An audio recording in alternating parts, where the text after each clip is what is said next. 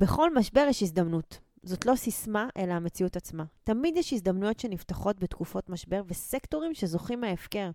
רק צריך למצוא ולזהות אותם. צ'רצ'יל, כאדם שידע משברים, אמר פעם, לעולם אל תבזבזו משבר טוב, והוא צדק. ברוכים הבאים למדברים השקעות עם עמית ואגר.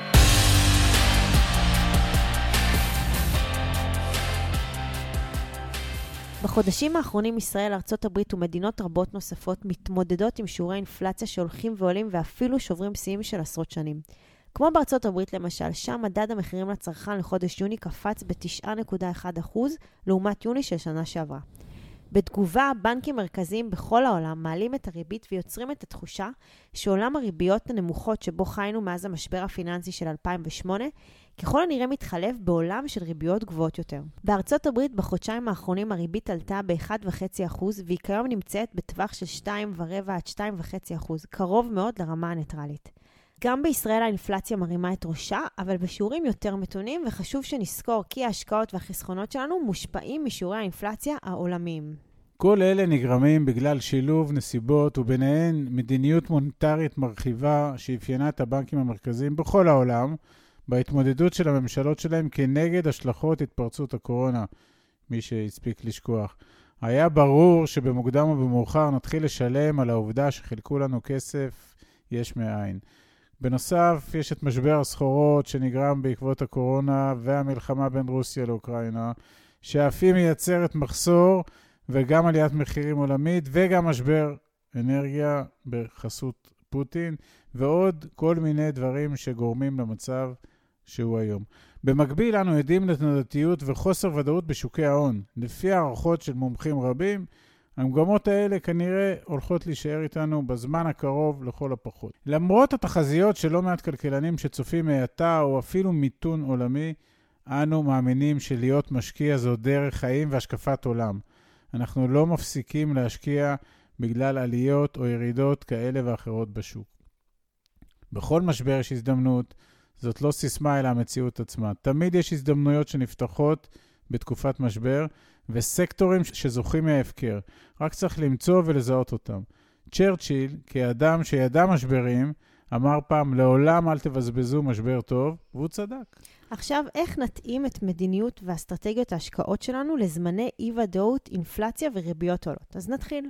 בהשקעות נדל"ן מומלץ להעדיף מסלולי חוב ו/או שיעבוד בכיר על הנכס גם במחיר תשואה נמוכה יותר בעסקה.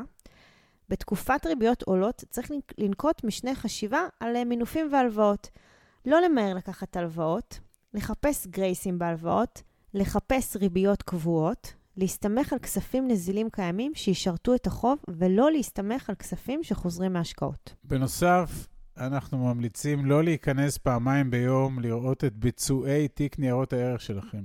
ההפסדים הם על הנייר. לא להשתולל ולזגזג במדיניות ההשקעה בשוק ההון, כפי שלא הייתם עושים זאת אם השוק היה בעליות חדות. אז אם השוק בעליות חדות, לא נכנסים להסתכל כל יום, ואם השוק בירידות חדות, לא מסתכלים. אם יש השקעה, אם יש אסטרטגיית השקעות, צריכים להמשיך בה. בזמנים של אינפלציה וחוסר ודאות, נדרש לפזר עוד את תיק ההשקעות שלנו בצורה שתפחית עוד את הסיכונים. הפיזור יכול להתבטא בין השקעות, בין סקטורים, בין שחקנים ובין נישות. מומלץ לפזר סיכונים וסיכויים בין שוק ההון שהפך יותר ויותר תנודתי, לבין אפיקים שמושפעים פחות מהמצב הכלכלי. המטרה היא לאפשר למשק הבית לייצר תשואות חיוביות ותזרים בכל מצב טבע, ועדיין להישאר עם רכיבי סיכוי שיוכלו להניב לנו תשואות טובות כשהבורסות יחזרו לעלות. אחד מאפיקי ההשקעה המאפשרים זאת הן ההשקעות האלטרנטיביות, שנחשבות למוגנות יותר מפני אינפלציה ובעלות קורלציה נמוכה עד אפסית עם שוקי ההון. חשוב להדגיש, אפיקים אלטרנטיביים אינם חסינים מפני משברים, אבל עצם העובדה שאינם משוערכים בצורה שוטפת בעת שגשוג כלכלי או מיתון, מפחיתה את התנודתיות בתיק הנכסים של המשקיע. אילו סוגי השקעות אלטרנטיביות יכולים לספק הגנה מפני אינפלציה? נדל"ן הוא אחד מאפיקי השקעה בעלי גידור מובנה לאינפלציה מכמה סיבות. בזמני אינפלציה מחירי הנדל"ן מתאימים את עצמם לעליות המחירים דרך התייקרות של מחירי השכירות ותשומות הבנייה שמתעדכנים בהתאם למדדים. אינפלציה בדרך כלל מביאה לעלייה בשכר כדי לפצות על עליית המחירים, ועליות השכר מגדילות את התקציב המשפחתי לרכישה ולהשכרה של דיור, ואנשים למעשה מוכנים לשלם יותר על המגורים שלהם. קולין ליז'יארי, כלכלן ופרופסור המתמחה במימון נדל"ן מאוניברסיטת קיימברידג', מוסיף שבעבר במדינות המפותחות מחירי הדיור אף עקפו את עליית האינפלציה. אמנם השקעות אלטרנטיביות יאפשרו לכם להקטין את התנודתיות, אבל אותם פרויקטים לא יהיו נזילים, לעתים אפילו בטווח של כמה שנים. הסיבה היא שהכספים שלנו מושקעים בפועל בהשקעת נדל"ן שמסתיימת רק במועד האקזיט או מכירת הדירות. עם זאת, הרוב הגדול של אותן השקעות אלטרנטיביות שאינן ברמת נזילות מיידית, מסתיים בטווח של 3 עד 5 שנים עד לנזילות מלאה בחזרה לחשבון הבנק. יתרון מעניין בהשקעות אלטרנטיביות שלא נזילות הוא גם ביכולת ליהנות מתשואה גבוהה שהבשילה. אפילו בשנה גרועה מאוד בשוק ההון כמו 2022, שוקי הנדל"ן בארצות הברית, בריטניה או גרמניה מציגים עליות מחירים משמעותיות ואפילו שוברי שיאים. בימים האלה אנחנו יודעים לעליות מחירי הדיור ברמה של עשרות אחוזים בעולם, כמו בארצות הברית למשל, שם מחירי בית חציוני עלה בשנה האחרונה ב-19.8 אחוז לפי ליזילו, וגם מחירי הדיור בבריטניה רשמו עלייה של 13 אחוז. אז בהקשר העסקאות הנדל"ן, אנחנו ניתן פה עכשיו קצת זום אין ונדבר על ה... איך אנחנו אה, אה, נותנים לזה עוד משקל. אז קודם כל, אנחנו מציעים לבדוק היטב את מבחני הלחץ בעסקאות הנדל"ן שאנחנו בוחנים להשקעות, בדגש על גובה מינוף העסקה. כלומר, הכוונה היא להוריד את רמות ה-loan to value ולהעדיף ריביות קבועות ולא צמודות להלוואות המינוף. כיוון שיש תמיד, או כמעט תמיד, הלוואות בתוך העסקאות האלה, אם ההלוואות האלה הן בריביות קבועות שאינן צמודות למדד, אז אנחנו למעשה מייצרים לנו הגנה מפני עלייה אינפלציונית. בנוסף, בגלל האינפלציה צריך לחפש אפיקי השקעה שנותנים מענה לאינפלציה, כדוגמת נדל"ן שחוזי השכירות שלו צמודים למדד. ולכן אם האינפלציה עולה ואחוזים צמודים למדד, אז אנחנו נשארים על הגל. בנוסף, אנחנו מדברים על השקעה בתשתיות. בשנים האחרונות יותר ויותר מדינות מבינות את החשיבות של השקעה בתשתיות עבור פיתוח הכלכלה וקידום רווחת התושבים. אנחנו שומעים על יותר ויותר מיזמים ממשלתיים בארץ ובטח בחו"ל לקידום תחבורה ציבורית, מנהרות, מחלפים, תשתיות אינטרנט, מערכות ביוב ועוד.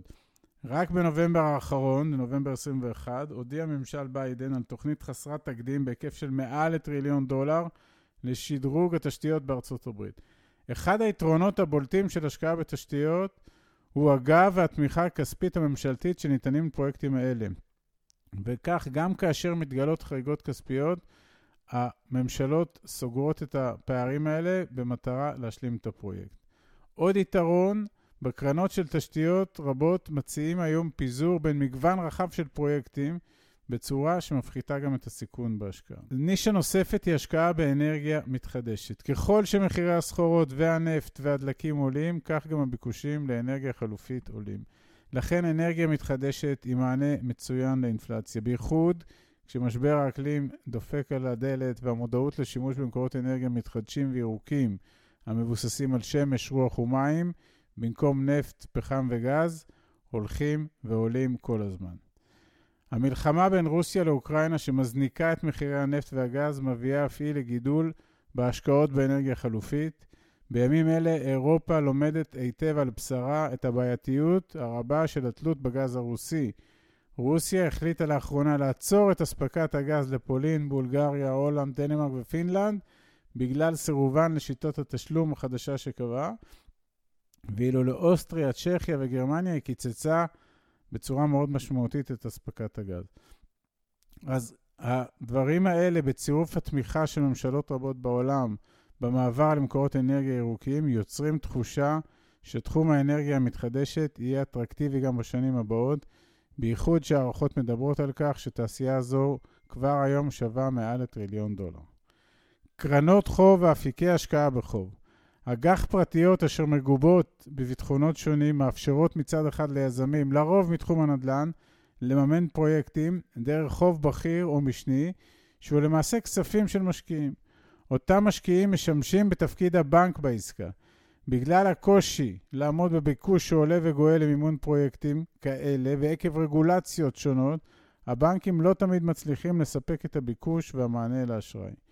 לתוך הוואקום הזה נכנסות קרנות שיכולות להעניק ערך מוסף ולהחליף למעשה את הבנקים, גם בארץ וגם בחו"ל. קרנות אלה כוללות מנעד רחב של מסלולי השקעה פסיביים ומנהלות עבור המשקיעים את תיקי ההלוואות, במקרים רבים משקיעות בפרויקטים מגוונים, מה שמפחית את הסיכון. לסיכום, כל משבר הוא הזדמנות. המשבר הנוכחי לא הפתיע הרבה מאוד אנשים, הם חיכו לו והכינו את עצמם לקראתו, והייתה להם תוכנית מגירה ואסטרטגיות השקעה שאפשרו להם למעשה לנצל את המצב לטובתם.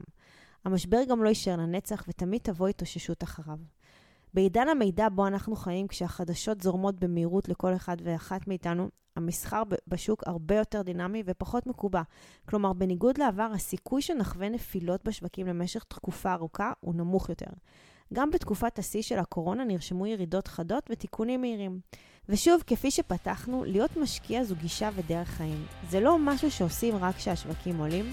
גם אנחנו לא יודעים לתזמן שווקים, אבל אנחנו כן פועלים למקסם ולהתאים את ההשקעות שלנו לתנאי המאקרו השוררים בעולם, לתנאי המאקרו בנישת ההשקעות שלנו.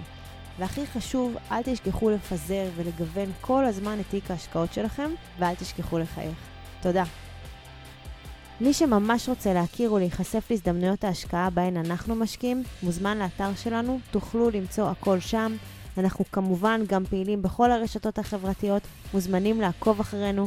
אם אתם מכירים אנשים נוספים שהתכנים שלנו יכולים לסייע להם, נודה לכם מאוד אם תשתפו אותם. להתראות חברים.